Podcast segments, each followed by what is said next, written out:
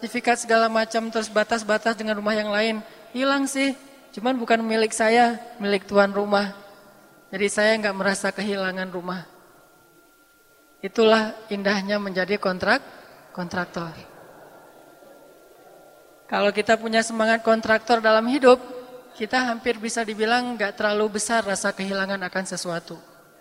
Orang kita ngontrak, tapi ngontraknya gratis dari Allah. Allah cuma minta kita jangan bermaksiat. Jangan bikin dosa. Banyak main, banyak pahala, banyak manfaat, sedikit dosa. Jadi kontraktor sejati aja. Bahkan saya pernah ngalamin ngontrak di sebuah rumah gubuk di dalam hutan. Kenapa bisa kayak gitu? Karena di rumah yang sebelumnya kita disuruh keluar nggak sanggup bayar kontrakan. Bayar kontrakannya per bulan karena nggak ada duit kalau gede-gede per tahun jadi per bulan aja.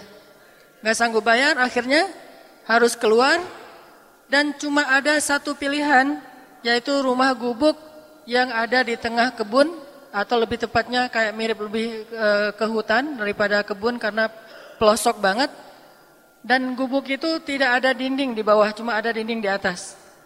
Sehingga kalau malam kita lagi tidur tuh sering dimasukin oleh babi. Datang babi masuk ke dalam rumah, eh ada hewan peliharaan kita tuh bukan kucing anggora, babi. Jadi pernah ngalamin kayak gitu juga. Kemudian juga alhamdulillah karena doa orang tua saya sekolah dari sejak SD sudah beasiswa, nggak pernah bayar uang sekolah sampai kuliah. Bahkan nikah juga beasiswa kan? Nikah aja beasiswa. nggak ada modal. Terus eh, sampai perabotan di rumah kita itu adalah perabotan hasil doa. Alhamdulillah saya beberapa kali juara musabakoh nasional dapat hadiah. Di antaranya kalau di tingkat provinsi itu dikasih hadiah sepeda kayak BMS gitu, dikasih sepeda yang lumayan saya pakai untuk sekolah. Terus juara lagi tingkat kabupaten, dikasih TV. TV yang ngasih bupati, tingkat nasional juara lagi dikasih lagi TV. Jadi di rumah ada dua TV. Begitu tukang pajak dulu kan TVRI mah pakai pajak ya. Datang ke rumah minta bayar pajak per bulan itu yang pajak TVRI. Ibu saya bilang, ini TV bukan saya beli, dikasih sama gubernur. Jadi kalau mau minta pajak, minta sama gubernur, kata ibu saya. Orang TV-nya liar, ini gimana caranya ini bu? Ya terserah mau bayar pajak saya nggak siap bayar pajak soalnya saya juga nggak pernah minta TV yang ngasih gubernur akhirnya ya udahlah ditanda tangan aja lah bu tanda tangan lunas gitu dianggap lunas terserah dia ntar gimana dengan gubernur. Hampir bisa dibilang keluarga saya yang pertama kuliah itu saya. Dari tujuh bersaudara saya anak kelima. Kalau dari saudara kandung saya anak pertama. Dari saudara tiri itu dari kalau dari ibu tuh bertujuh. Kalau dari ayah Banyak soalnya. Saudara saya dari ayah itu ada sekitar 19. Jadi ayah saya tuh, ibu saya adalah istri keduanya. Dan kita bertiga, ibu saya, ayah itu adalah suami keduanya. Ini unik banget nih keluarga. Karena suami pertamanya ada musibah gitu. akhirnya nikah dengan ayah saya. Nah jadi keluarga kita tuh total sekitar 20-an. Saya nggak persisnya berapa, 20-an karena ada yang udah meninggal, saya harus ingat-ingat dulu dari dua puluhan keluarga kita, saya orang pertama yang kuliah. Keluar negeri pula. Al-Azhar, Kairo gitu loh. Itu ngandelin apa coba? Nggak mungkin ngandelin duit. Nggak mungkin ngandelin lobby. Orang kita nggak punya kenalan siapa-siapa orang yang uh, berpengaruh. Murni dari nol banget. Tapi karena mungkin bukan doa saya, saya waktu itu masih culun nggak jelas gitu, nggak bisa ngedoain yang benar. Doa dari orang orang tua. Doa yang luar biasa akhirnya bisa ngerasain perubahan yang jelas signifikan dalam keluarga kita. Karena doa orang tua akhirnya kita bisa tinggal di rumah kontrakan tetapi udah lebih layak di komplek gitu. Rumah kontrakannya di perumahan. Kemudian udah ada telepon rumah Pas saya ke Mesir, alhamdulillah dengan doa dari ibu saya, saya yang bisa ngebiayain adik-adik sekolah. Adik-adik sekolah saya kirimin, tiap tiga bulan sekali saya kirimin. Sampai akhirnya saya tanya pas sudah dekat bulan Ramadan, Mak butuh apa di rumah?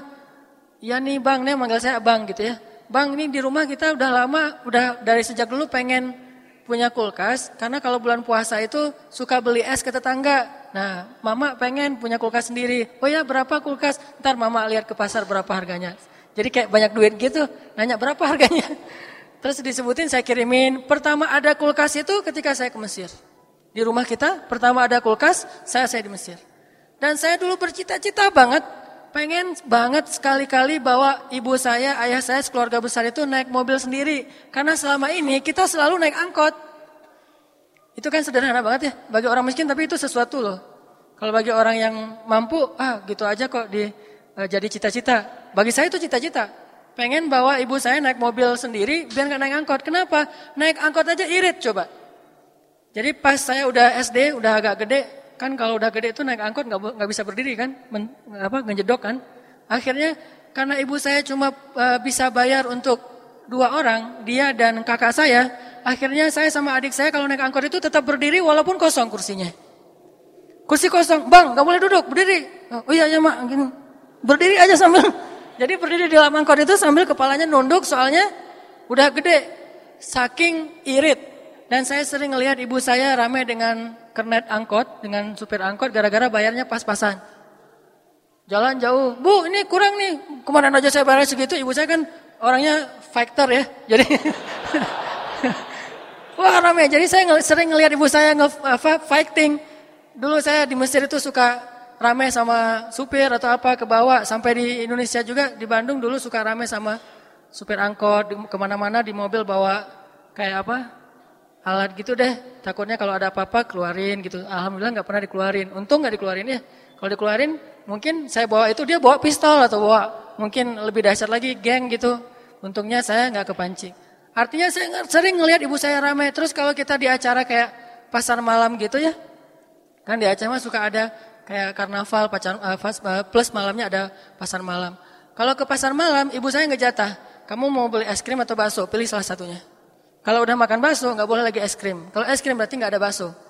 Itu lama nggak hulengnya loh. Mikir, bakso apa es krim ya? Mikir gitu.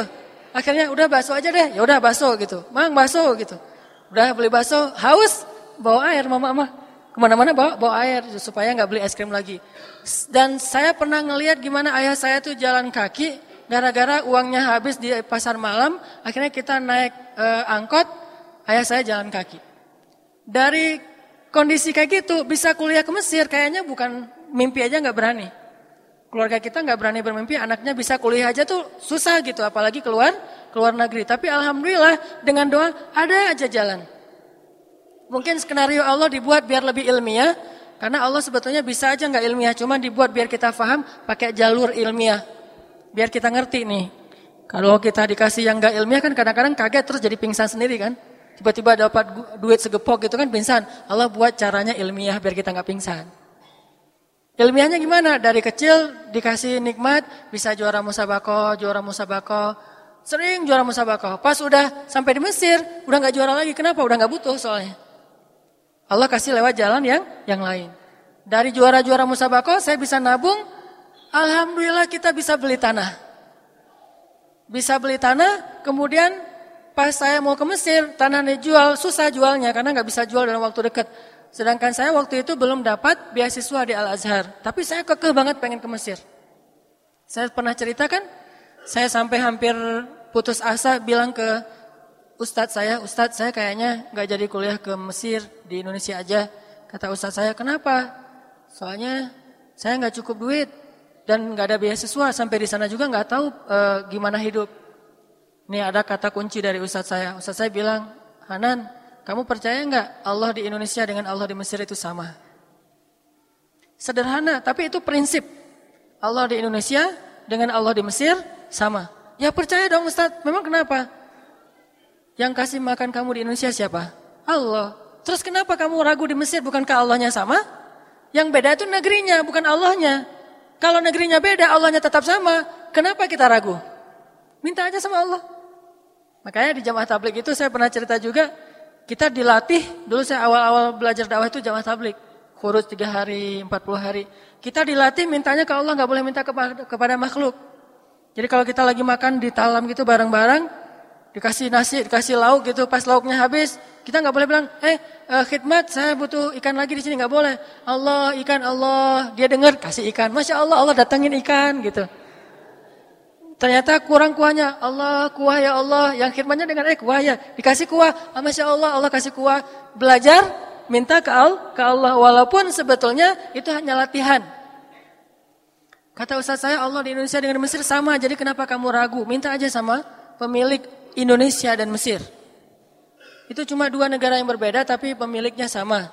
Sama kayak kita uh, pindah ke Bandung tetap dengan jaminan dari ayah kita akan ngirimin. Kalau kita tinggal di uh, kampung misalnya ayah kita nafkahin, tinggal ke Bandung juga ayah kita, ayah kita nafkahin. Terus masalahnya apa? Dan ayah kita kaya lagi, jadi nggak ada masalah buat dia berapapun yang kita butuhkan. Yang masalah kalau ayah kita udah nggak mau nafkahin. Mulai sekarang kalau kamu keluar dari Banda Aceh, kamu bukan anak saya lagi. Itu baru masalah tuh. Tapi kalau, nak nggak apa-apa kamu ke Mesir, nak nggak apa-apa kamu ke Jakarta, ke Bandung, terserah kamu. Ayah akan nafkahin seberapapun yang kamu butuhkan. Kan aman tuh. Karena ayahnya sama. Tapi kalau ayahnya udah beda, ayahnya berubah gitu. Kenapa ayahnya beda? Ternyata ada broken home gitu. Ayahnya cerai sama ibu kita, terus ayahnya hilang aja nggak nggak tahu ke mana, nggak mau lagi menafkahi. Nah, ini baru kita bikin galau tuh. Jadi Ustaz saya bilang sederhana, Allahnya sama. Kalau kamu di sini bisa makan, di sana juga bisa makan. Oh gitu Ustaz. Kamu di sini punya keluarga nggak? Punya. Kenapa di Mesir tidak punya keluarga? Bukankah Allahnya sama yang mendatangkan keluarga untukmu? Alam yajidka yatiman fa'awa. Gitu kan ayatnya? Alam yajidka yatiman fa'awa dhallan fahada wa wajadaka ailan fa'aghna. Ya Muhammad, kenapa kamu khawatir? Bukankah dulu kamu itu anak yatim, lalu aku beri kepadamu keluarga? Dulu kamu itu adalah orang yang bingung tidak tahu ke mana arah untuk hidup, aku beri kamu petunjuk. Dulu kamu dalam keadaan tidak punya apa-apa, aku berikan segalanya. Diberikan istri yang soleha dan kaya raya. Alam yajidika yatiman fa'awa, wa wajadaka dhallan fahada, wa wajadaka ailan fa'agna. Lalu kenapa kamu ragu? Itu buat saya mantap. Oh gitu ya ternyata modalnya bukan duit tapi Allah. Kalau mau minta bukan kepada makhluk tapi minta kepada Allah. Makhluk hanya cara buat Allah untuk supaya kita faham. Kalau dikasih nggak lewat makhluk takutnya kita nggak ngerti malah jadi suzon. Tiba-tiba dapat duit banyak kita malah nggak bersyukur kepada Allah karena nggak ngerti dari mana asalnya. Akhirnya Allah buat ilmiah. Saya punya duit cuma 10 juta, dan itu habis untuk biaya travel, untuk biaya tiket. Tapi karena saya punya Allah, ya udah, saya beli tiket ke Medan, naik Malaysia Airlines dari Medan ke Kuala Lumpur, Kuala Lumpur Beirut, Beirut Lebanon, dari Beirut ke Kairo, naik pesawat Malaysia. Biayanya kurang lebih 10 juta. Dan saya nggak bawa uang sama sekali, nol. Tapi saya punya yang maha kaya, berangkat nih. Di Malaysia Airlines dikasih makan, wah nih makan, makan semuanya. Sampai di Kuala Lumpur, di Bandara Kuala Lumpur, semalaman kita muter-muter aja nggak makan. Saya sama teman-teman saya, teman-teman saya sebetulnya punya duit, cuma dia nggak enak kalau makan, saya nggak ikut. Akhirnya dia ikut lapar gara-gara saya.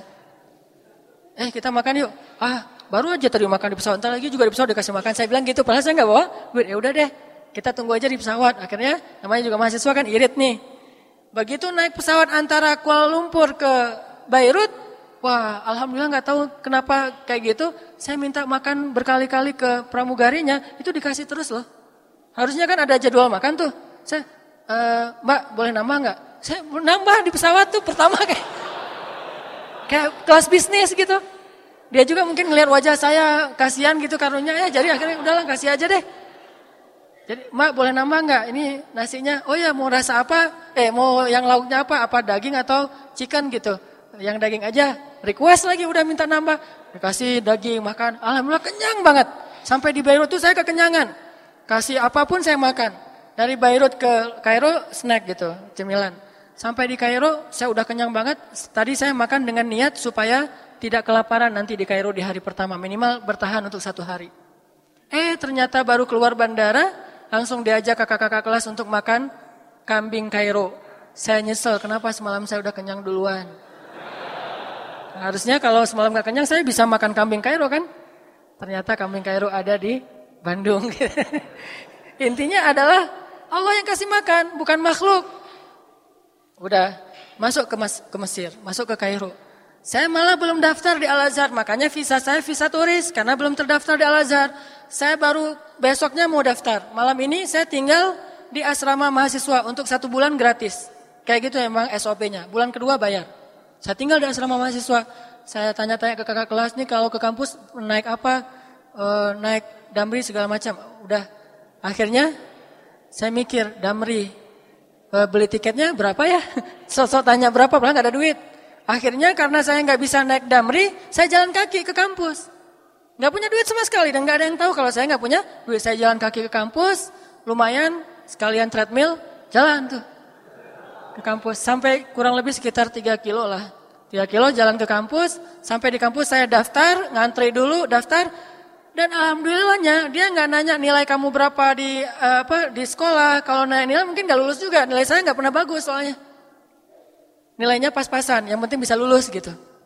Saya yang bagus mah bukan bukan nilai, hati insya Allah ya. Pakai doa aja nggak ngadain nilai gitu. Nilainya biasa-biasa aja. Nah akhirnya dia nggak nanya nilai, dia nanyanya kamu bisa ngaji nggak? Bisa. Oh ya udah, uh, coba kamu ngaji.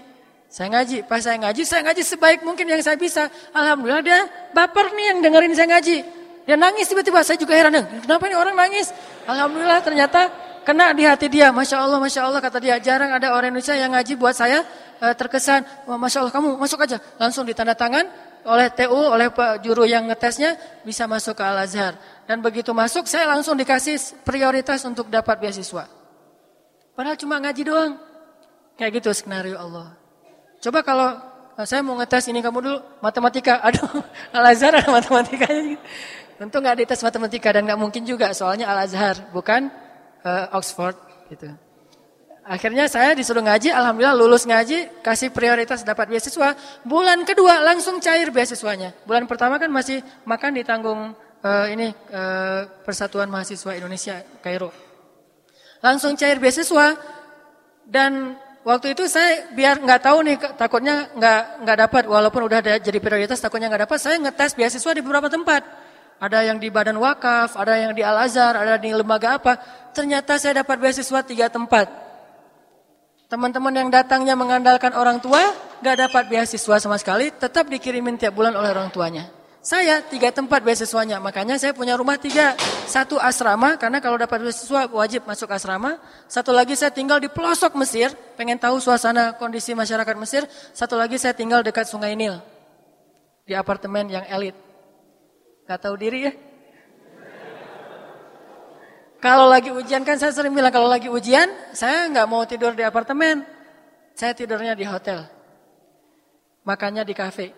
Sehari makan di kafe tiga kali tapi bukan mengandalkan beasiswa. Alhamdulillah setelah satu tahun di Mesir saya jadi menguasai daerah itu. Saya bikin bisnis-bisnis, usaha-usaha kecil. Uh, mulai dari manajer keliling, jual dolar gitu ke anak-anak. Eh, lu anak baru ya? Beli dolar dari gua. Gitu ya, anak-anak baru, iya ya kak, ya kak, beli gitu ya. Jadi pakai senioritas bisa jualan dolar gitu. Udah gitu uh, bisa jual bakso kalau ada event anak-anak uh, mahasiswa Indonesia Malaysia, Malaysia itu by the way ada 8.000 mahasiswa di Mesir. Dan itu market bisnis yang lumayan. Wah 8.000, Indonesia 3.000. Jadi 11.000 mahasiswa itu market bisnis luar, luar biasa. Saya bikin bakso. Bakso Manghanan gitu ya. Gak ada mereknya tapi. Yang bikin bukan saya, teman saya. Saya nggak bisa apa-apa, cuma bisa jualan. Teman saya bikin bakso, saya jualin. Dan saya jualnya pakai mood. Kalau orangnya kayaknya nih keren nih, saya kasih banyak. Kalau orangnya kayaknya ngeselin, saya kasih sedikit. Kalau cewek yang beli, banyak tuh ngasihnya. Datang cewek kayaknya, wah nih soleha banget, eh ini kayaknya nih. Uh, siapa tahu bisa jadi gitu kan. Nanam dulu lah, nanti menuainya tiga tahun lagi. Ternyata dia lupa, ngasih gitu. Uh, kalau dulu bahasanya ustazah di Mesir tuh siapa pun dipanggil ustadz ustazah walaupun mahasiswa. Kalau di sini brosis gitu kan. Neng gitu. Neng, nih baksonya dapat 12. Yang lain standarnya 6, 6 butir bakso. Ini mah 12. Dua kali lipat. Dia nggak nanya-nanya, dia bilang ke temannya, oh enak tuh bakso di situ, kayaknya dikasih 12. Datang lagi, loh kok saya 6, kok kamu 12? Rame, saya nyumput aja, udah. Tapi alhamdulillah, walaupun jualan baksonya pakai mood, nggak pakai SOP yang sama, untungnya lumayan. Dari keuntungan bakso itu bikin lagi bisnis catering, sampai alhamdulillah kalau musim haji berangkat haji jadi gaet, jadi kuli, jadi joki hajar aswad. Joki hajar aswad, yang sekarang ramai-ramai di TV Joki Hajar Aswad, kalau saya nonton acara gitu saya senyum-senyum aja. Saya dulu juga gitu lah. Eh bu, bu mau cium Hajar Aswad, eh saya bantuin gitu. Cuman nggak pernah matok berapa yang dia kasih. Eh, minimal 100 dolar lah ya. Ada yang saya sampai pernah banget nih ngandelin doa banget ya di Mekah. Saya mau baru haji yang pertama dan waktu itu ngutang hajinya. Rata-rata mahasiswa itu kalau haji itu ngutang dengan harapan nanti pas pulang bisa balik modal dan bayar utang. Nah, saya ngutang 500 dolar untuk berhaji. Pas sampai di sana saya beli uh, wheelchair, beli apa? kursi roda. Saya beli kursi roda itu modal buat narik tuh. Jadi kita jadi apa? supir kursi roda. Bersaing dengan teman-teman yang udah lama di Mekah sama anak-anak Arab beli kursi roda. Saya muter-muter aja di dekat Ka'bah, kok nggak ada yang sakit ya, nggak ada yang cacat gitu, nggak ada yang lemah. Kalau musim haji kan banyak orang sakit, tapi waktu itu hajinya tuh haji fit banget nih. Aduh, kok nggak ada yang sakit? Saya mau ngedoain supaya ada yang sakit nggak enak gitu. Masa saya doa ya Allah, mudah-mudahan ada yang sakit tahun ini banyak gitu. Nggak mungkin kan doa kayak gitu. Jadi menzalimi orang lain. Udah, bisa. Udah di Nanti kursi rodanya kita bahas setelah salat isya insya Allah ya. Kita salat isya dulu. Bismillahirrahmanirrahim. Tadi sampai di mana? Oh kursi roda, wheelchair. Ini sharing dulu pengalaman sebagai tahadus bin nikmah. Salah satu bukti bahwa gimana kalau kita ngandelin Allah, berdoa kepada Allah, dan memurnikan keyakinan kita kepada Allah, itu amazing. Tapi kalau setengah-setengah, maka Allah juga aku tergantung bagaimana prasangka hambaku kepada ana inda dhanni abdi bi. Jadi saya ngutang dulu 500 dolar buat haji dengan target nanti bisa nutupin dengan sedikit ada kerjaan di uh, Saudi. Saya beli kursi roda muter-muter dekat Ka'bah gitu, nyari-nyari orang yang sakit. Jadi kayak ikan hiu nyari mangsa gitu. Kalau ada yang kira-kira jalannya, Bu, uh, capek mau saya dorongin gitu. Jadi ternyata, oh enggak, enggak apa-apa deh, masih kuat kok. Oh ya Bu, enggak apa-apa. Udah jalan terus. Sampai akhirnya udah tiga hari saya muter-muter, saya belum dapat orang sakit. Belum dapat pasien. Udah tiga hari, udah tiga hari. Dan tiga hari itu saya hanya minum air zam-zam saja. Minumnya air zam-zam dan alhamdulillah itu keajaiban air zam-zam itu minum tapi bisa ngenyengin, nggak ah, nggak harus makan. Saya tidur di masjid, bawa baju nggak terlalu banyak, begitu nanti pengen mandi mandi di toilet Masjidil Haram di bawah yang bagus, saya mandi terus naik lagi ke atas tidur minum air zam-zam terus saya kayak gitu selama tiga hari. Setelah tiga hari saya terus berharap nggak mungkin lah Allah membiarkan saya kayak gini. Saya yakin aja sama Allah. Cuman kalau misalnya Allah belum mengabulkan di hari pertama, kedua, dan ketiga, mungkin memang Allah pengen lihat kesabaran saya. Wah, bangga aja Allah lihat kesabaran saya. Insya Allah saya sabar. Sabar nih. Hari keempat, Alhamdulillah, dari kejauhan saya ngelihat ada ibu-ibu sama anak gadis. Bukan sakit, kayak bingung gitu arahnya nih ke mana nih. Kayak orang kesasar. Kan di Mekah banyak orang kesasar. Sampai ada tuh seorang pilot, pilot pesawat tempur kalau nggak salah tapi udah uh, kayaknya udah pensiun. Beliau pernah kesasar di Mekah, terus kita tolongin, kita arahin ke maktab namanya ke asrama beliau ke hotel. Beliau bilang gini, dek, masya Allah ya, subhanallah, benar kita nggak boleh sombong ya kalau di sini kata beliau. Kenapa pak? Saya itu nggak mau ikut rombongan, saya mau jalan sendiri. Padahal ini haji pertama buat saya. Karena saya mikir saya di udara aja nggak kesasar, di tengah hutan aja ditaruh saya nggak kesasar. Masa saya di kota kecil kayak gini kesasar? Saya ngomong gitu. Jadi saya nggak mau ikut pembimbing, nggak mau ikut rombongan. Saya yakin bisa pulang sendiri. Jadi saya tinggalin rombongan. Ternyata benar, eh saya muter-muter nggak tahu di mana rumah saya, kesasar. Jadi nggak boleh som sombong. Ada ibu-ibu kayak kesasar gitu, saya samperin.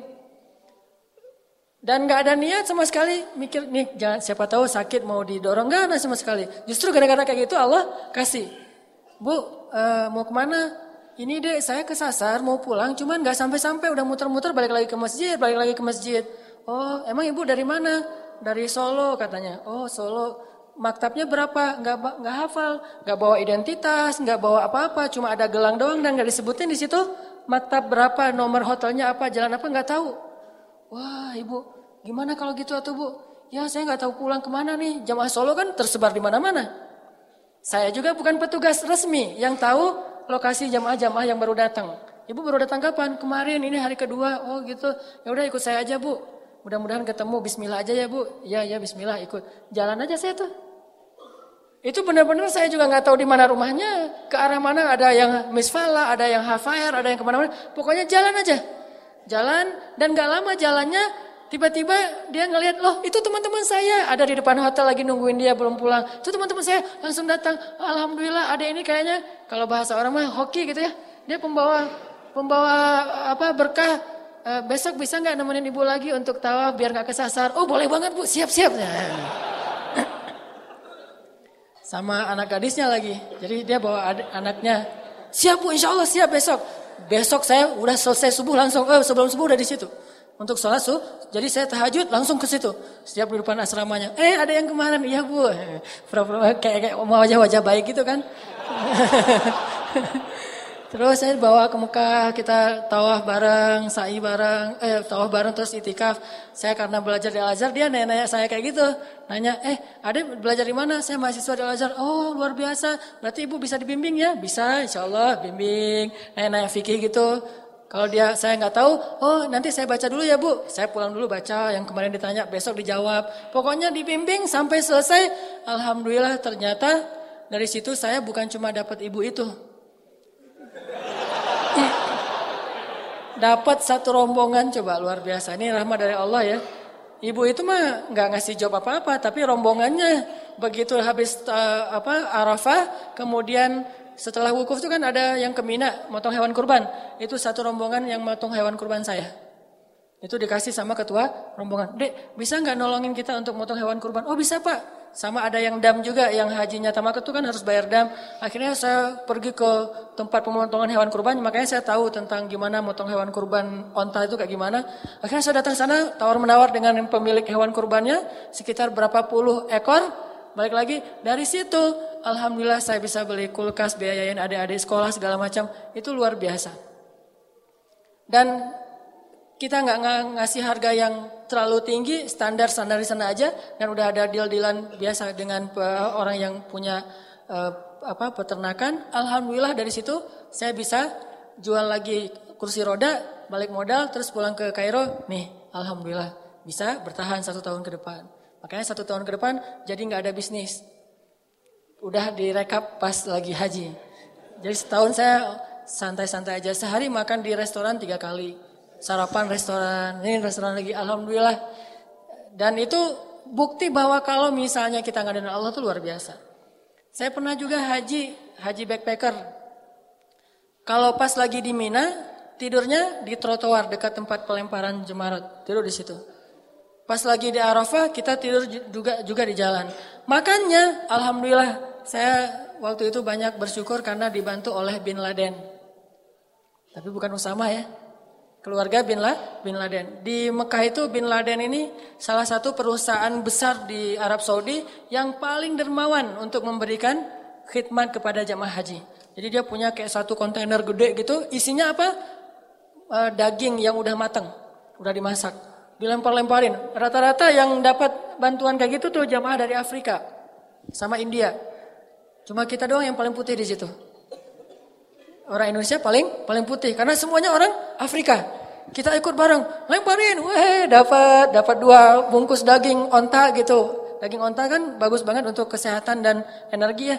Jadi saya dapat daging onta dua, makan mahasiswa gitu. Allah kasih luar biasa. Baru nanti kerja lagi, ngangkut-ngangkut tempat tidur dari lantai satu ke lantai 10 yang pernah saya cerita sebelumnya. Ada satu pelajaran yang saya dapat dari perjalanan hidup saya kayak gitu sampai akhirnya saya uh, bisa pulang ke Indonesia, tinggal di Bandung dan Allah mudahkan segala keurusan hidup saya. Satu aja pelajarannya. Kalau kita mau ditolong oleh Allah dengan cara ajaib, tunjukkan keyakinan kita dalam kondisi-kondisi yang ajaib, yang sulit. Justru saat itu Allah akan menunjukkan pertolongan-pertolongan yang ajaib. Kalau kondisinya biasa-biasa aja, maka Allah akan menolong kita juga biasa-biasa aja. Dan tipsnya, kadang-kadang kita harus nekat sedikit. Karena hanya dengan sedikit nekat, kita bisa belajar tawakal. Kalau semuanya harus dihitung logis, kapan kita akan belajar tawakal? Ini kayaknya nih kurang logis nih. Memang kita butuh hitung-hitungan logis, ilmiah butuh. Cuman sedikit nekat itu dibutuhkan juga. Harus dikombin nih.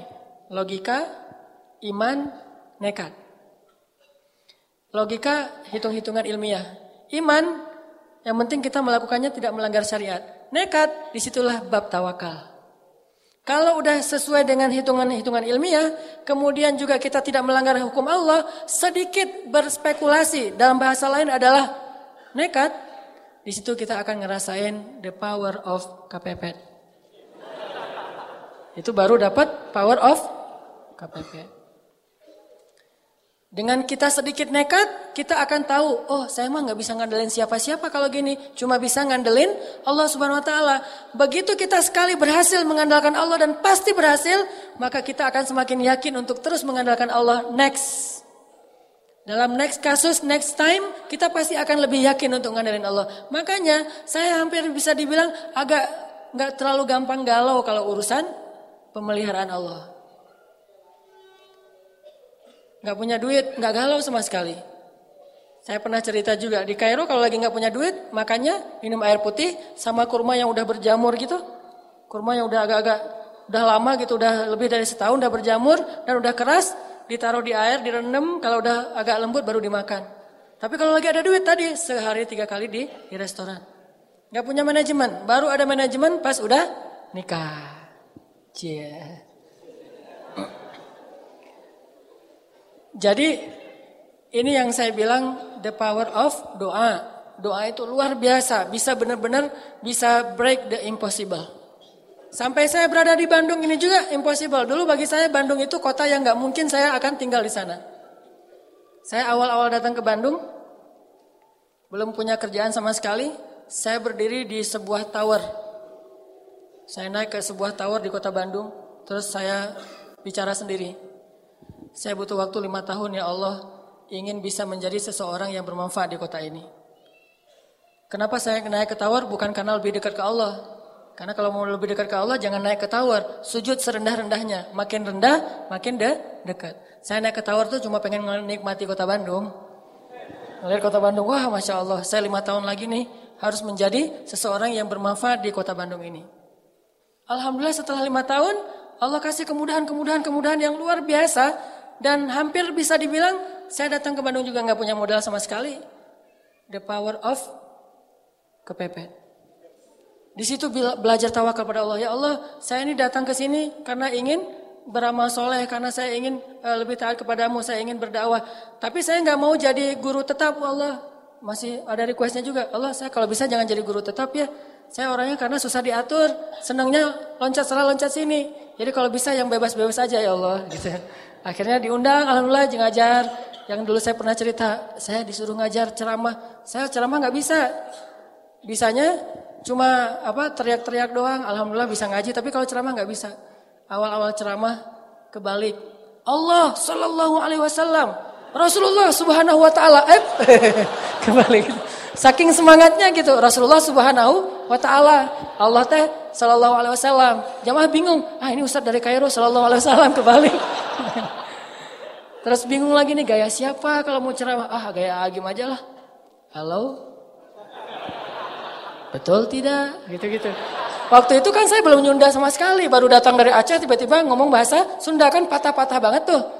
Jadi orang yang dengar juga kasihan ngelihatnya, aduh kasihan ya misalnya, udahlah kan mereka mau dengar bukan karena enak ceramahnya, karena kasihan. lewat aja. Wah ternyata nggak nyaman gaya Agim, eh saya ganti Zainuddin Amjad. Assalamualaikum. Nggak dapat juga. Wah nggak nyaman juga. Akhirnya be yourself no matter what they say lah. Akhirnya ceramah yang sebisanya saya aja. Udah mulai nulis-nulis buku. Nulis-nulis buku pertama, saya penulis, saya kulinya, saya direkturnya, saya yang ngejualnya. Saya nulis buku, judulnya uh, Tadabur Al-Quran. Terus saya kirim ke Sumatera, ke Kalimantan, ke teman-teman Kairo yang udah pulang. Ngirim pakai bus, terus juga pakai beberapa paket yang ngirim keluar kota bawa pakai dus al, apa Malboro gitu kan buku kan berat tuh kalau pakai dus Malboro. Saya angkat sendiri di Soekarno Hatta. Wah, ternyata itu penulis bukunya. Angkat buku. Nih saya mau ngirim ke buku apa nih? Buku tentang Tadabur Al-Qur'an. Oh ya, siapa penulisnya? Hanan Ataki gitu. Oh ya. Padahal saya saya jualan di book fair. Kan ada book fair di Braga dulu tuh, Islamic book fair jualan alhamdulillah dari percikan imannya Pak Mamirudin ngasih satu space buat saya display buku saya. Saya bikin X banner, saya bawa naik motor hujan-hujan pakai jas hujan gitu, turunin buku basah-basah, naruh disusun-susun. Setelah disusun-susun saya balik lagi ke toilet, ganti baju yang agak-agak keren gitu seolah-olah penulis, baru balik lagi. Saya udah pakai dasi gitu, udah yes, penulis gitu kan. Pas orang datang, "Ah, oh, ini buku siapa?" Ini wajahnya mirip. Jadi di cover buku itu wajah saya paling gede tuh. Tulisannya kecil, yang penting wajah saya. Biar orang kan lagi pencitraan, pengen terkenal, namanya juga pengen terkenal. Jadi wajahnya gede, judulnya kecil. Pas orang lihat ini buku siapa yang nulis? Mirip. Oh iya, ini penulisnya minta tanda tangan, tanda tangan. Dari situ mulai banyak acara, udah gitu bikinlah beberapa lembaga. Dari situ saya mencoba, itu awal saya ngerasa feeling guilty kan. Kok saya belajar jauh-jauh cuma untuk ngajar-ngajar gini terus dibayar?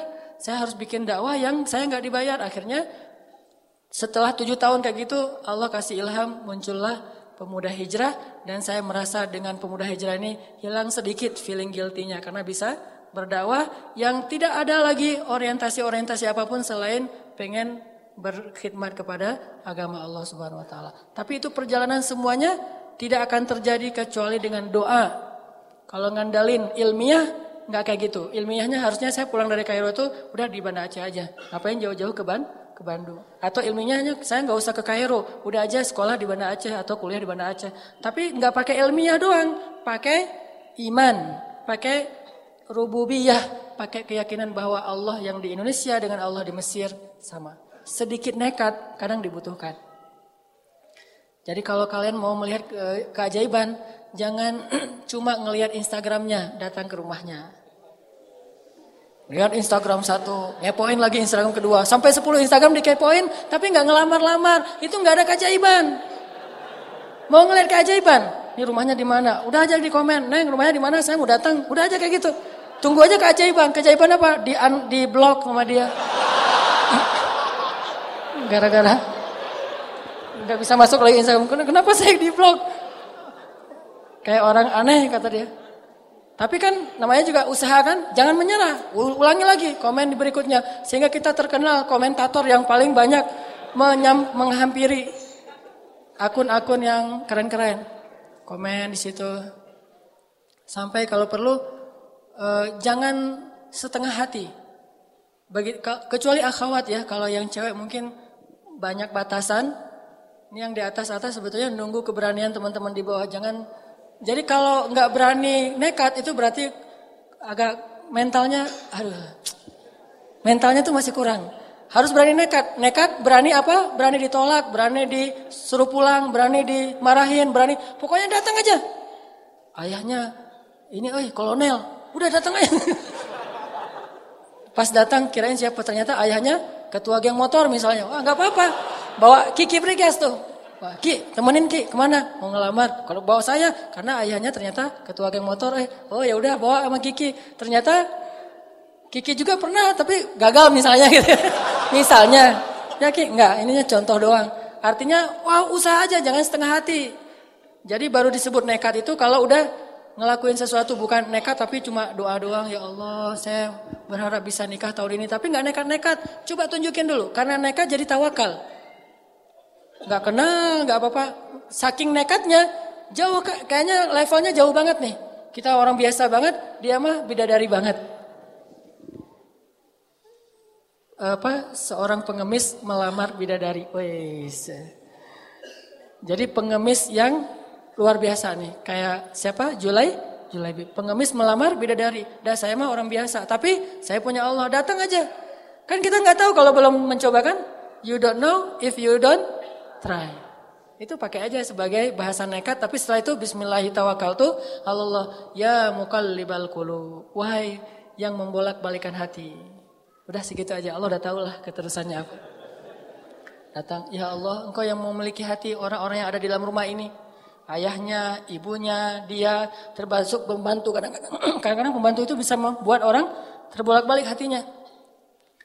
Ayahnya masih bingung gitu, ibunya masih mikir-mikir, si Nengnya juga masih mikir-mikir. Pembantunya yang wah semangat. Pembantunya bilang, Neng, ah ibu teh udah sering ketemu anak laki-laki, tapi ini beda Neng. Pembantunya tuh cerewet, tapi cerewet yang positif. Ternyata si pembantunya tadi dibeliin apa cuangki sama kita. Ikhtiar yang maksimal. Pembantu juga bisa dimanfaatin. Karena saya pernah memanfaatkan pembantu. Dan itu berhasil. Ikhtiarnya yang yang maksimal. Kita nggak akan tahu kalau kita belum mencoba. Doa terus ikhtiar. Ikhtiarnya tadi bawa cuangki, bawa apa pecel nasi pecel kasih ke pembantu e, Bu dari mana? Saya dari Surabaya. Oh saya bawain rawon buat ibu gitu ya. Bawain rawon. Masya Allah ini anak baik banget. Dia akan bisa mempengaruhi keputusan yang ada di dalam rumah itu. Keputusan paling penting bisa dipengaruhi oleh suara seorang pembantu rumah tangga. Gara-gara sebungkus rawon. Itu ikhtiar dulu. Jangan udah belum apa-apa. Ah saya mah kayaknya nggak ini. Laksanakan aja dulu. Ikhtiar kerja juga gitu. Harus sedikit nekat. Karena dulu saya pernah bisnis beberapa usaha kecil-kecilan, bukan bisnis, usaha. Bisnis mah kayak gaya eh, usaha lah. Usaha kecil-kecilan, bikin kayak cabang-cabang uh, apa, M pulsa gitu. Itu berawal juga dengan kenekatan, pokoknya saya mau bikin itu aja, beli jual beli mobil second juga dengan kenekatan. Uh, properti kecil-kecilan cuma beli satu benerin terus jual lagi. Semuanya lewat nekat tapi tawakal sama Allah. Yang penting jangan bikin Allah kecewa. Itu aja. Kalau kita nggak bikin Allah kecewa, kita masih tetap bisa ngandelin Allah. Begitu kita ngecewain Allah, nggak bisa ngandelin apa pun. Kalau kita mengandalkan Allah, maka Allah akan menggunakan segalanya untuk kebaikan kita. Kalau kita nggak bisa mengandalkan Allah, maka kita kehilangan segalanya. Sehingga ulama bilang, siapa yang mendapatkan Allah, dia mendapatkan segalanya. Siapa yang kehilangan Allah, dia kehilangan segalanya. Minta sama Allah. Wa idza ibadi anni fa inni qarib. Allah itu dekat sama hambanya. Ujibu da'watad da'i idza da'an. Aku mengijabah setiap permintaan orang-orang yang meminta kepadaku. Minta sama Allah. Ini semangat motivasi untuk berdoa dan e, berikhtiar dengan bumbu sedikit nekat. Baru kita akan melihat keajaiban. Banyak sekali dari pengalaman hidup saya itu nekat memang bikin keajaiban. Tapi dengan tawak, tawakal. Baru kita mengerti arti tawakal kalau kita udah agak sedikit nekat. Terus tips yang kedua dari pengalaman hidup yang mungkin jadi sharing juga buat teman-teman. Biar doa itu diijabah oleh Allah. Ini penting banget nih. Jangan pernah makan atau minum sesuatu yang Allah haramkan. Itu mutlak. Gimana pun kita teriak-teriak di depan pintu Ka'bah, kalau di dalam darah dan daging kita ini tumbuh atau mengalir makanan dan minuman yang Allah nggak ridhoi, suara kita itu mut. Apa mut? Mute, mute, mute. Gak kedengaran. Di telepon kita telepon Allah tapi teleponnya di silent. Gak kedengaran. Kenapa gak kedengaran? Soalnya kita pakai uh, opsinya opsi silent tadi. Dan opsi silent itu gara-gara kita makan makanan yang haram atau syubhat. Jangan pernah menggadaikan doa-doa teman-teman dengan harta yang haram walaupun berlimpah. Jangan pernah menggadaikan. Karena kalau kita sudah sampai membuang kesempatan di ijabah doa, kita nggak bisa ngapa-ngapain lagi walaupun kita punya dunia dan seisinya. Nih kalau pilihan ya. Ada pekerjaan tapi syubhat atau haram. Cuman resikonya Allah nggak mengijabah lagi doa kita. Atau kita nggak mengambil pekerjaan itu, cuman nggak dapat keuntungan besar, tapi Allah mengijabah doa-doa kita. Kalau saya sangat yakin nggak perlu istikharah akan memilih, yang penting Allah mengijabah doa saya. Urusan yang lain terserah.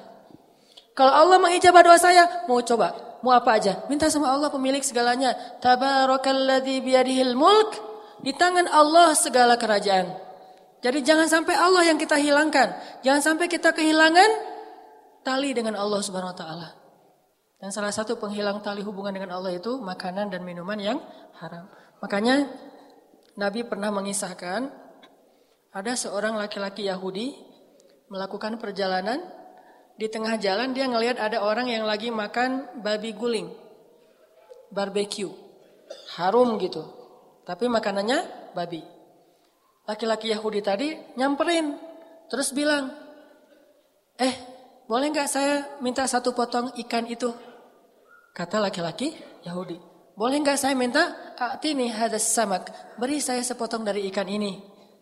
Kata orang-orang, kamu kan penampilannya kayaknya orang Yahudi ya? Ya, bukankah orang Yahudi itu dilarang makan babi? Emang. Terus kenapa kamu minta makanan ini? Kata dia, yang minta babi siapa? Kan saya minta ikan. Kata orang Yahudi. Tapi nunjuknya ke arah babi. Itu namanya hilah mencari-cari celah untuk mengubah hukum yang haram menjadi halal. Salah satunya dengan mengganti nama. Makanya Nabi bilang di dalam hadis, ada juga di Riyadus Solihin, janganlah kalian menamai khamar dengan karom. Karom itu mulia artinya, namanya keren. Jadi khamar itu tetap khamar, jangan dikasih nama yang keren-keren. Harganya 2 juta. Dari Itali. Keren lagi namanya tuh. Terus packagingnya bagus banget. Jangan kata Allah, kata Nabi. Kenapa? Karena itu akan mengubah sesuatu yang haram menjadi sesuatu yang disukai, diminati, bangga orang dengannya. Sehingga dilarang menamakan sesuatu yang haram dengan nama yang baik. Begitu juga mengubah namanya menjadi nama seolah-olah dia halal. Orang Yahudi ini ngasih nama babi dengan kalimat samak ikan. Atini hadas samak. Beri saya ikan ini. Kata orang-orang, ini kan nggak boleh untuk kamu orang Yahudi. Emang saya minta babi, saya kan minta ikan. Tapi nunjuknya ke arah babi. Akhirnya nggak mau berdebat, dikasihlah sepotong makanan babi. Dia minum, eh, dia makan, kemudian dia minum kamar. Udah selesai itu dia jalan. Jalan, dia jatuh di tengah perjalanan karena mabuk. Kemudian untanya hilang. Untanya membawa semua bekal-bekal dia. Terlunta-luntalah dia di tengah padang pasir ketika dia sadar, dia nggak punya apa-apa lagi. Waktu itu kemudian dia duduk, lalu dia berdoa kepada Allah, Rabbi, Sampai di situ aja. Nabi kemudian ngasih komen terhadap hadisnya. Jadi Nabi yang menyampaikan ceritanya, kemudian Nabi komen. Apa komen Nabi? Makaluhu haram, malbasuhu haram, mashrabuhu haram, fa anna yustajabu lidzalik? Makanannya haram, minumannya haram. Kemudian tempat tinggal apa pakaiannya haram. Bagaimana Allah akan mengijabah doa dia sehingga laki-laki itu mati di tengah padang pasir dalam keadaan terlunta-lunta. Datang lagi seorang sahabat namanya Sa'ad bin Abi Waqqas datang kepada Rasulullah, "Ya Rasulullah, doakanlah saya supaya Allah mengijabah doa-doa saya. Karena saya berdoa itu Allah belum mengijabah saja. Saya mohon tawassul dari engkau ya Rasul dengan wasilahmu semoga Allah mengijabah doa saya." Kata Nabi, "Ya Sa'ad, uh, atib mat'amak." Wahai Sa'ad, bersihkanlah makananmu dari yang haram. Lalu saat kemudian membalikan semua keuntungan-keuntungan ribanya dan dia tidak mau lagi makan riba sebagai seorang rentenir, kemudian akhirnya dia berdoa lagi dan sejak saat itu saat terkenal sebagai seorang ahli diijabah dalam doa karena meninggalkan usaha-usaha yang tidak Allah ridhoi. Jadi kalau mau melihat keajaiban dalam doa, jangan pernah masukkan makanan dan minuman yang haram ke dalam tubuh kita.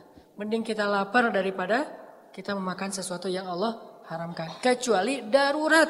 Kalau darurat boleh. Kan kaidah fikihnya ad-darurah tubihul mahzurah. Yang darurat itu membolehkan yang tidak boleh. Kita kelaparan di tengah hutan. Gak ada makanan kecuali maaf tadi babi misalnya, maka boleh kita makan babi, tapi jangan digulai, di sate, di segala macam. Ada yang di apa? E, di dendeng gitu ya disimpan, ada yang sampai di dikalengin. Buat apa? Buat nanti kalau lapar lagi. Enggak, makan darurat itu hanya untuk menghilangkan rasa lapar yang yang sangat. Kalau udah hilang rasa lapar yang sangat, udah agak nyaman, udah tinggalkan itu. Begitu juga dalam urusan yang lain. Kalau kita darurat banget, boleh menggunakan harta yang haram, tapi sebatas menghilangkan unsur darurat kita saja. Anak sakit, nggak punya uang sama sekali, minjam ke teman-teman nggak ada yang bisa nolong. Akhirnya terpaksa kita menggunakan uh, sistem-sistem yang Allah nggak ridhoi. Tapi sebatas untuk bisa membiayai pengobatan anak. Jangan ngutangnya satu miliar, padahal pengobatannya 10 juta. Kenapa ada 999 eh, apa 990 jutaan? Karena itu buat tambahan modal. Nah, ini bukan darurat namanya. Selama kita menjaga yang ini, Allah berjanji akan uji budak da'i. Aku akan mengijabah doa-doa kalian. Jangan pernah menggadaikan doa. Yang terakhir, kalau pengen doa kita diijabah oleh Allah, ijabahlah panggilan Allah. Li wal yu'minu bi la'allahum yarshudun. Penuhilah panggilan Allah dan berimanlah kepada Allah supaya kalian mendapat petunjuk. Jadi kalau kita mengijabah panggilan Allah, Allah mengijabah panggilan kita. Begitu Allah bilang, Allahu Akbar, Allahu Akbar, labbaika ya Rabbi. Ngomongnya gitu. Labbaika ya Rabbi, aku penuhi panggilanmu ya Allah. Datang buru-buru, wudhu langsung datang ke masjid. Nanti begitu kita bilang, Allah ya Allah, labbaika ya abdi. Ada apa wahai hambaku? Allah buru-buru datang kepada kita. Seperti kita buru-buru datang kepada Allah, seperti itu juga Allah buru-buru datang kepada kita. Seperti kita berleha-leha atau menunda-nunda waktu untuk datang kepada Allah, seperti itu juga Allah menunda-nunda waktu untuk datang kepada kita ketika kita panggil. Ana inda dhanni abdi bi. Aku tergantung di mana hambaku. Fadhkuruni azkurkum. Ingatlah aku, aku ingat kalian. Jadi jangan salahin Allah kalau doa kita belum diijabah juga. Mungkin kita ketika Allah panggil juga nggak gitu-gitu amat.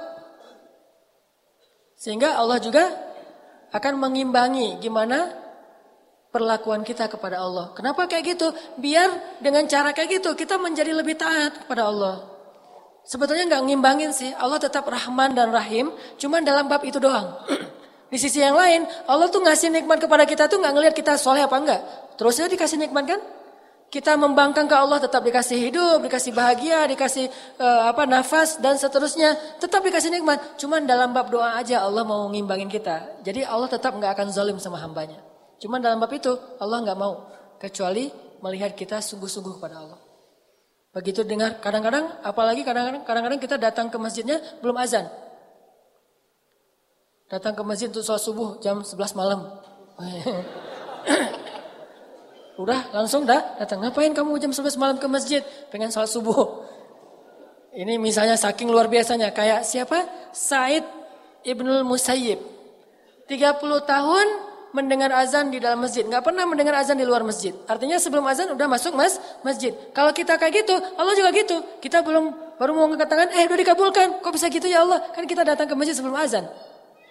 Kayak Nabi tuh baru membatin doang dalam hati, udah Allah kabulkan. Belum juga ngomong. Ya Allah, eh udah datang langsung. Ada miss call gitu. Wah, ditunggu ya. Nanti kita uh, apa wawancara kerjaan. Belum juga berdoa. Udah wawancara kerjaan. Belum juga ketemu ceweknya, tapi ceweknya yang nyamperin duluan. Eh, uh, Ustadz boleh nggak saya ta'arufan sama yang ikhwan yang itu? Oh yang itu yang mana? Yang ini? yang itu? Bukan ke sini, yang di belakang Ustadz. Oh yang di belakang saya. Ya udah nanti saya kenalin, kasih aja CV-nya. Ternyata yang nyamperin duluan, ceweknya ngasih CV duluan. Ini karena kita duluan datang kepada Allah sebelum Allah panggil. Udah sekali, begitu juga yang akhwat. Begitu Allah katakan, wahai hamba-hambaku atau katakanlah kepada perempuan, tutuplah aurat-aurat mereka. Kalau kita ijabah panggilan Allah, Allah juga akan mengijabah panggilan kita. Sedikit nekat supaya belajar tawakal. Kemudian yang kedua, jangan campuri daging dan darah kita dengan makanan yang haram. Yang ketiga, apa? E, ijabahlah panggilan Allah sehingga Allah mengijabah panggilan kita. Kalau udah bisa kayak gini, insya Allah teman-teman mudah dalam hidup. Mau kerjaan mudah, mau sekolah mudah, mau nikah mudah, mau punya anak mudah. Ya Allah, ya Rabbi, ya Ilahi. Andalkan Allah, jangan andalkan makhluk. Walaupun mustahil sekalipun. Jangan kita membatasi yakin kita kepada Allah hanya dengan kata-kata mungkin dan mustahil. Kalau gitu Allah hanya akan ngasih kepada kita hal-hal yang mungkin. Kalau kita masih yakin kepada Allah terhadap hal yang mustahil, Allah ngasih kepada kita yang impossible. Tergantung gimana kita. Saya yakin kepada Allah akan maha penyembuh kalau sakitnya cuma flu. Minum obat flu atau obat sakit kepala. Allah faida maritu fahuwa yashfin. Kalau saya sakit Allah maha penyembuh. Allah sembuhkan. Tapi begitu sakitnya parah, kita nggak yakin lagi sama Allah. Yakin kepada makhluk. Padahal makhluk mah nggak boleh kita yakini, hanya boleh kita ikhtiar. Ke dokter itu babnya ikhtiar, bukan bab iman. Nggak boleh beriman kepada dokter, beriman kepada obat, tapi ikhtiarnya kepada dokter dan obat sesuai dengan tuntunan Allah. Imannya kepada Allah, karena Allah bisa saja tidak menyembuhkan penyakit kita walaupun kita udah bahkan dokter aja bisa sakit. Apalagi yakin kepada penggandaan uang. Sampai ada driver, salah satu driver Grab kalau nggak salah ngomong, eh Kang, itu ada juga ternyata di Jawa Barat ya yang bisa menggandakan uang, sama kayak eh, itu eh, yang itu yang kanjeng bisa menggandakan uang katanya. Saya jadi galau karena kalau bisa kayak gitu saya senang banget. Mending saya nggak usah jadi driver Grab lagi, saya mah ke situ aja lumayan saya ada uang satu juta, siapa tahu bisa jadi lima juta, kata dia. Saya bilang, Kang, itu dia yang menggandakan uang itu namanya bisnis apa Kang? Bisnis jasa. Kalau dia bisa menggandangkan uang, ngapain dia capek-capek bisnis jasa? Udah aja duit dia sendiri digandain, udah gitu nggak perlu lagi berusaha, nggak perlu lagi berikhtiar, nggak perlu lagi kerja, pakai mahar 5 juta, nanti digandain jadi 10 juta. Ngapain dia capek-capek kerja? Kalau dia bisa menggandakan uang sendiri, begitu dia ada uang seribu, ah saya gandain ah, ada uang sepuluh ribu, gandain ah kan gampang kan? Ngapain kerja lagi? Dia kerja karena dia nggak bisa menggandakan uang. Saya bilang, oh gitu kang. Ini artinya saking kita uh, lemahnya iman kepada Allah sampai akhirnya kita melakukan hal-hal yang sebetulnya nggak logis sama sekali. Kalau kita yakin Allah bisa menggandengkan uang, kayak kita yakin kepada sosok yang bisa menggandengkan uang di dunia, harusnya kita datang ke Allah lebih sering. Ya, kenapa ada orang yang sangat terpelajar, educated, sampai dokter, eh terpengaruh juga dengan isu-isu kayak gini. Dia bawa berapa puluh miliar supaya digandain, akhirnya nggak balik sama sekali, kecuali sedikit. Kenapa kita nggak datang kepada Allah? Allah saya pengen digandain nih duitnya, saya kasih deh untuk Palestina satu juta. Kata Allah, perumpamaan orang yang berinfak di jalan Allah seperti menanam benih yang nanti ujung-ujungnya dikasih 700 kali lipat. Kenapa kita nggak yakin sih sama Allah yang menyatakan di dalam Al-Quran dengan benar sekali, Sadaqallahul azim. Kenapa kita yakin kepada makhluk yang lagi-lagi terbukti bahwa itu bohong, tapi masih aja yakin. Udah di TV lagi rame-ramenya bahwa itu bohong. Kita ada juga di Jawa Barat tuh. Kita saya pengen datang ke sana. Udah jelas di TV itu bohong, tapi ini mau didatangin gitu. Kenapa Allah yang maha benar kita nggak datengin? Ini kan agak-agak unik. Berarti kita belum benar-benar beriman kepada Allah. Walaupun kita selalu bilang Sadaqallahul azim. Kita bilang gitu. Apa artinya? Maha benar Allah. Tuh kan? Berarti kita nggak paham maknanya. Maha benar Allah dengan segala firmannya. Sadaqallah, maha benar Allah al-azim yang maha agung. Maha benar Allah yang maha agung. Tapi berhubung sari tilawah sudah kayak gitu dari sejak dulu. Maha benar Allah dengan segala firmannya. Udah ya kita ikutin aja. Semuanya pada amin. Udah aja gitu. Saking gak memaknai lagi. Ini apa sih maksud dari kalimat. Bahkan kita meyakini bahwa Allah lazim itu bagian dari membaca Al-Quran. Seolah-olah kalau kita nggak baca Allah setelah baca Al-Quran itu dosa. Eh, kok kamu tutup Al-Quran nggak Allah? Eh, gitu kan? Eh Allah dulu dong. Allah itu bukan bacaan Al-Quran. Allah itu kalimat iman. Kalimat tasdik. Bahwa kita membenarkan apa yang kita baca. Jadi inti dari Allah itu benar banget nih. Jadi anak kekinian mungkin bilangnya selain Allah. Eh, Zalikal kitabul raiba fi. Wah benar banget. Itu sama dengan Allah lazim. Cuman lebih utama kita pakai bahasa Al-Quran Allah lazim. Tapi artinya benar banget nih. Allah bilang, "Ya ayyuhalladzina amanu la ta'kulur riba." Wah, benar banget. "Ya ayyuhalladzina amanu hal adullukum ala tijarah." Benar banget. Itu artinya sadaqallahul azim. Banyak orang baca sadaqallahul azim tapi nggak percaya sama ayatnya. Ayatnya mengatakan perumpamaan orang-orang yang berinfak di jalan Allah itu seperti orang yang menanam benih yang kemudian tumbuh menjadi 700 kali lipat. Sadaqallahul azim. Lewat kenceleng, disenyumin. Nggak dikasih, nggak dicelupin tuh koin. Kenapa disenyumin? Senyum kan sedekah. Jadi sedekah dia adalah se senyum. Ini gara-gara nggak sodakallahul azim dari hati, cuma dengan lisan. Jadi kita harusnya bilang Allah itu bukan cuma di akhir bacaan, setiap ayat juga boleh bilang Allah lazim dan nggak harus berirama, nggak uh, apa waladhalin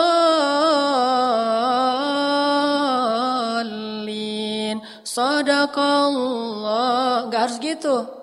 Kalau orang Arab baca Allah azim mah uh, ulaika ala hudam min rabbihim wa ulaika humul muflihun. Sadaqallahul azim. Gitu. Itu kalimat pembenaran dari kita. Ini benar banget, ini benar banget. Akhirnya kita percaya.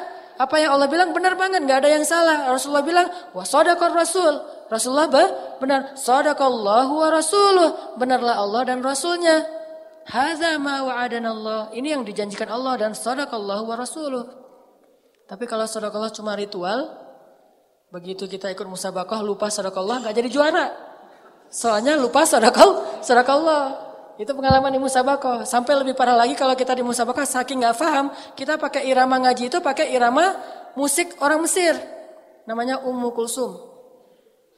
Itu kalau di Indonesia mirip seperti penyanyi pop Indonesia yang lagi ngehit ngehit. Misalnya sebutlah Agna Monica, Agna Agnes, eh apa sih namanya? Agnes ya, Agnes Monica. Maaf ya, saya emang nggak pernah ngepoin yang gitu-gitu. Si Agnes Monica ya, kan lagi ngehit tuh untuk cewek-cewek. Nah, Agnes Monica untuk Mesir namanya Umi Umu Kulsum, Umi Kalsum. Saya ngaji nih di Indonesia. Ah, gitu ya. Oh kok bagus uh, ngajinya uh, Hanan? Ya ini pakai iramanya Umi Kalsum. Karena saya nggak tahu kalau Umi Kalsum itu iramanya lagu-lagu pop biasa. Ya Habibi, saya nyanyiin di dalam masjid. Artinya wahai kekasihku. Tapi nyanyinya di dalam masjid. Ifrah ya albi, berbahagialah wahai kekasihku. Sampai ada lagu, uh, kenapa engkau tidak menjawab panggilanku? Aku nggak punya pulsa, gitu kan ya dulu ya iklannya mah.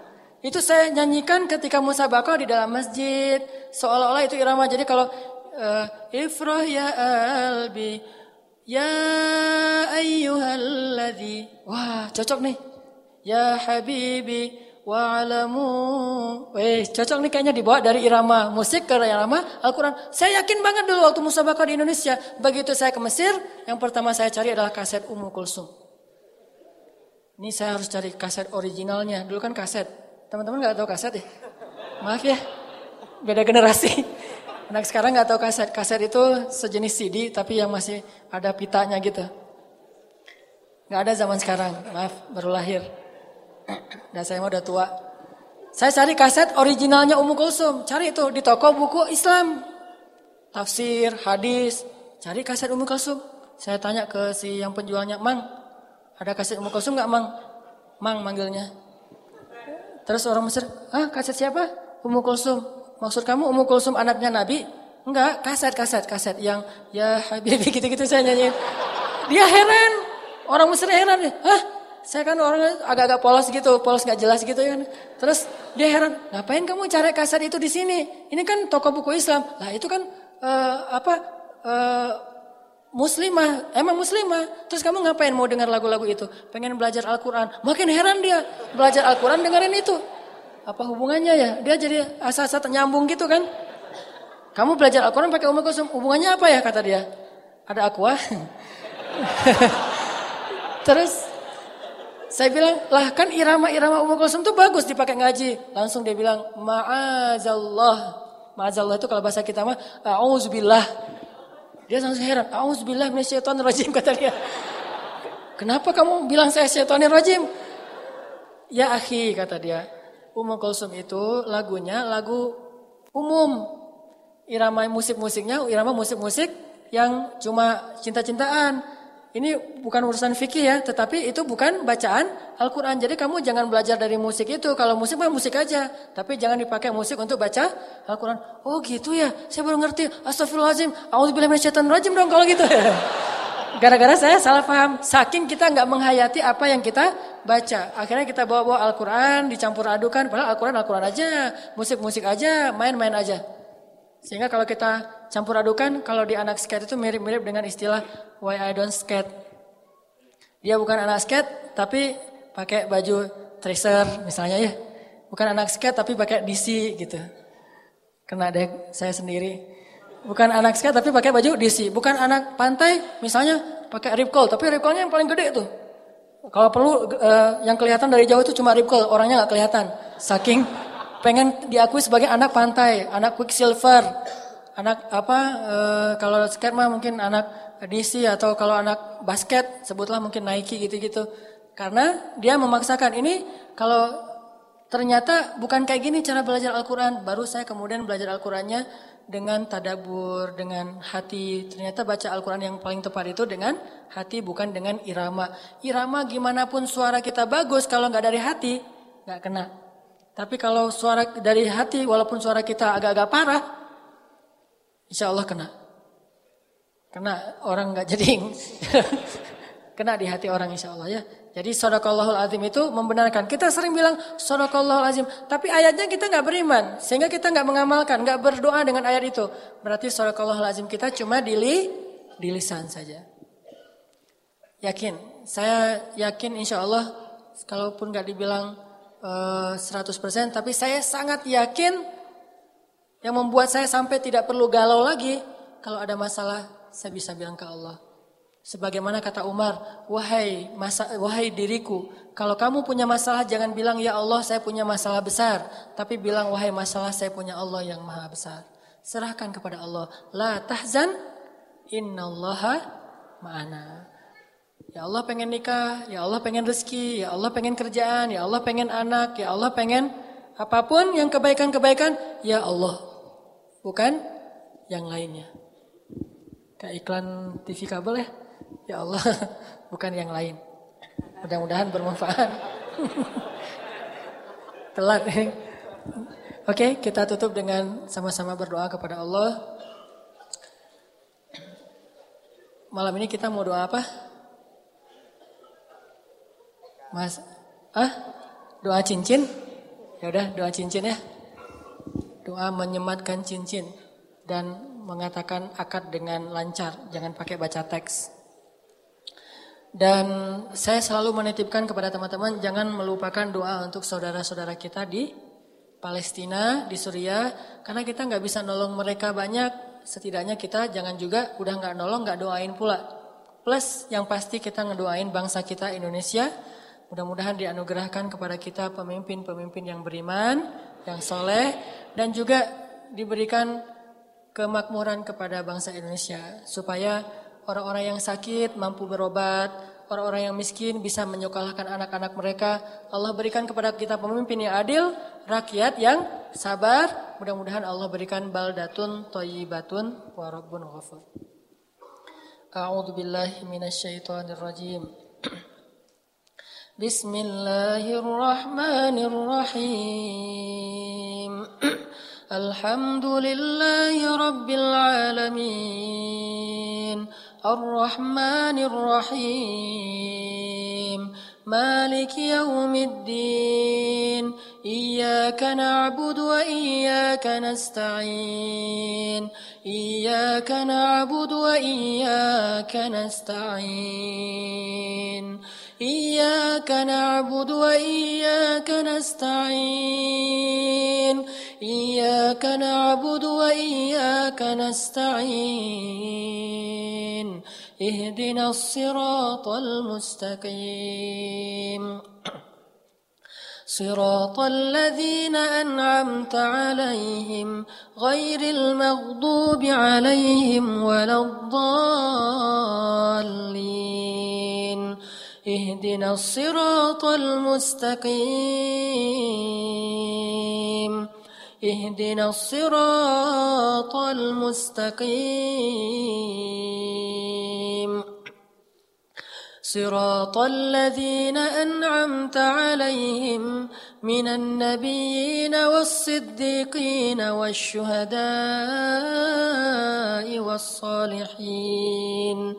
صراط الذين أنعمت عليهم من النبيين والصديقين والشهداء والصالحين. اهدنا الصراط المستقيم. يا هادي اهدنا الصراط المستقيم.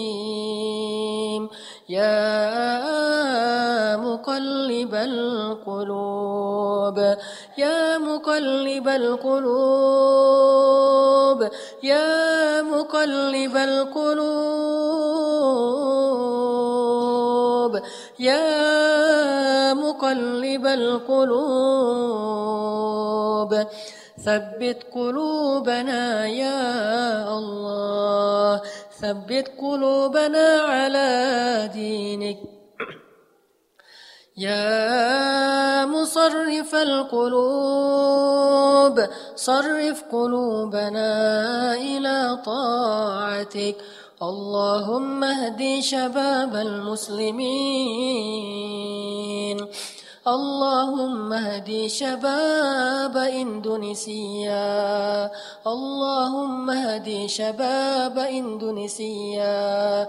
اللهم اجعلهم من الصالحين. اللهم اغفر لهم ذنوبهم وتقبل منهم توبتهم. يا غفار يا غفار. يا تواب تب علينا يا تواب تب علينا توبة نصوحا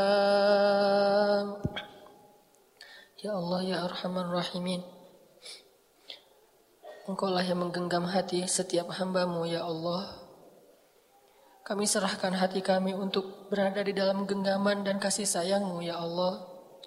Jangan biarkan hati kami digenggam oleh hawa nafsu dan syaitan ya Allah.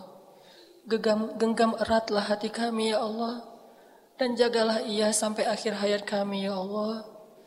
Tanpa engkau, hati kami akan terbolak-balik antara kebatilan dan kemungkaran ya Allah. Kami takut Mungkin hari ini kami sering ke masjid, senang kepada taklim, bergaul dengan orang-orang yang soleh, orang-orang yang baik. Tetapi jika engkau tidak menggenggam hati kami, justru di akhir hayat itu, mungkin bisa saja hati kami condong kepada kebatilan, condong kepada kemusyrikan, condong kepada kemungkaran, sehingga matilah kami dalam keadaan su'ul khatimah. Kami berlindung kepadamu dari su'il khatimah, ya Allah. Genggamlah hati kami, senantiasa dalam ketaatan sampai akhir hayat kami ya Allah. Kami merasakan hati kami, kadang iman bertambah, kadang iman turun. Kadang iman naik, kadang iman turun, kadang iman bertambah, kadang berkurang. Kadang iman kami dalam keadaan kuat, kadang iman kami dalam keadaan lemah. Setiap hari kami merasakan naik turunnya iman. Jika kami tidak menyerahkan hati kami kepadamu, siapa yang bisa menolong kami ya Allah? Betapa ruginya kami ya Allah jika sepanjang hidup kami beramal solih, malam hari kami tahajud, setiap hari kami ke masjid, siang hari kami berpuasa, dengan harta kami bersedekah, sepanjang hidup kami beramal solih, tetapi jika akhir hayat kami syirik, di akhir hayat kami su'ul khatimah, maka sia-sialah semua kebaikan-kebaikan kami sepanjang hidup kami, ya Allah. Karena yang menjamin seseorang itu adalah akhir hayatnya, baik dan buruknya. Jika akhir hayat seseorang baik, walaupun sepanjang hidupnya dia berbuat buruk, maka engkau akan mengampuninya dan memasukkannya ke surga. Jika akhir hayatnya buruk, walaupun sepanjang hidupnya beramal solih, maka gugurlah segala amal-amalannya dan menjadi penghuni neraka. Kami berlindung kepadamu dari su'ul khatimah ya Allah. Sebagaimana engkau memberi hidayah kepada kami sepanjang hidup kami, terutama sejak kami hijrah, maka berilah juga hidayah kepada kami di akhir hayat kami ya Allah. Jadikanlah sebaik-baik hari kami adalah hari ketika bertemu denganmu ya Allah. Dan jadikanlah sebaik-baik amal kami adalah amalan yang terakhir ya Allah. Ya Arhamar Rahimin. Berilah petunjukmu kepada pemuda-pemuda Indonesia Berilah petunjukmu kepada pemuda-pemuda Indonesia. Berilah petunjukmu kepada pemuda-pemuda Bandung. Jadikanlah anak-anak muda Indonesia, terutama anak-anak muda Bandung sebagai ashabul kahfi. Anak-anak muda yang yakin kepadamu ya Allah. Anak-anak muda yang berserah diri kepadamu ya Allah. Halalkan hubungan mereka ya Allah. Pertemukan mereka dengan bidadari-bidadari mereka ya Allah. Pertemukan pemudi-pemudi kami dengan imam-imam mereka yang solih ya Allah. Sehingga hidup mereka penuh dengan keberkahan darimu ya Allah. Ya Arhamar Rahimin, menangkanlah Islam di atas pundak anak-anak muda yang beriman ya Allah. Wariskanlah bumi ini kepada hamba-hambamu yang beriman. Janganlah engkau timpakan musibah kepada kami, di mana bumi terwariskan kepada orang-orang yang kufur kepadamu ya Allah. Ya Arhamar Rahimin, anugerahkanlah di antara anak-anak muda yang pada malam ini ikut taklim di mana pun mereka berada. Anak-anak muda yang rajin ke masjid, anugerahkanlah, jadikanlah mereka sebagai pemimpin-pemimpin Indonesia di masa yang akan datang ya Allah. Jadikanlah mereka sebagai pengayom-pengayom umat di masa yang akan datang ya Allah. Jadikanlah mereka sebagai pembela-pembela kaum muslimin di masa yang akan datang ya Allah. Jauhkanlah mereka dari sifat munafik yang justru menyerang dan menghujat kaum muslimin dan agamanya. Ya Arhamar Rahimin. Tutuplah aurat perempuan-perempuan muslimin. Jagalah mereka dengan rasa malu dan jagalah kehormatan mereka dengan agamamu. Ya Arhamar Rahimin. Beri kepada kami pasangan dan keturunan yang menyejukkan hati kami. Beri kepada kami pasangan dan keturunan yang membuat kami bahagia di dunia dan di akhirat. Ya Arhamar Rahimin sampaikan salam kami kepada Rasulullah. Tidaklah kami duduk di dalam masjid seperti ini, kecuali karena kami tahu itu semuanya dari ajaran Rasulullah SAW. Setiap orang yang beriman di muka bumi ini berhutang kebaikan yang sangat besar kepada Rasulullah SAW. Tidaklah iman kami ketahui, tidaklah kami mengenal Islam kecuali itu hasil jeripayah dan perjuangan Rasulullah. Kami berhijrah karena kami membaca tentang kisah Rasulullah. Kami masuk Islam, kami menjadi seorang muslim karena ajaran Rasulullah. Rasulullah yang paling banyak berjasa bagi kami melebihi jasa seorang ayah dan ibu. Titipkan salam rindu kami kepada Rasulullah ya Allah. Sekarang beliau ada di sisimu. Titipkan salam kami kepada beliau. Katakanlah kepada beliau bahwa kami rindu Rasulullah. Seandainya hari ini Rasulullah ada di tengah-tengah kami, mungkin nasib kaum muslimin tidak akan dicela, dihina, ataupun ditindas seperti hari ini ya Allah. Tapi ini ujian untuk kami sekaligus untuk mempersatukan barisan kaum muslimin. Titip salam kami kepada Rasulullah. Mungkin banyak dari kami yang belum sempat untuk berziarah ke makam beliau. Setidaknya kami selalu datang ke rumah yang beliau cintai yaitu rumahmu ya Allah. Titip salam kami kepada beliau. Sampaikan kepada beliau, kami berharap suatu saat nanti di padang masyar, beliau mau memberi kami syafaat dengan seizinmu ya Allah. Ya Arhamar Rahimin, titip salam kami kepada Abu Bakar As-Siddiq, kepada Umar bin Khattab, kepada Ali bin Abi Thalib, kepada Bunda Khadijah, kepada Ibunda Aisyah. Sungguh kami mencintai mereka semuanya karenamu ya Allah dan ajarkanlah kami agar bisa menjadi pejuang-pejuang hebat seperti mereka kelak ya Allah. Ya Arhamar Rahimin, maafkanlah kami yang belum bisa menolong saudara kami di Palestina dan di Suriah ya Allah. Kami sadar kalau kami masih zalim, Siang malam kami tertawa, nikmat hidup bersama keluarga kami, seolah-olah kami tidak ingat ada saudara kami yang setiap hari menangis di kem-kem pengungsian di Suriah dan Palestina, ya Allah. Ada saudara kami yang terusir dari kampung halamannya di Myanmar ya Allah.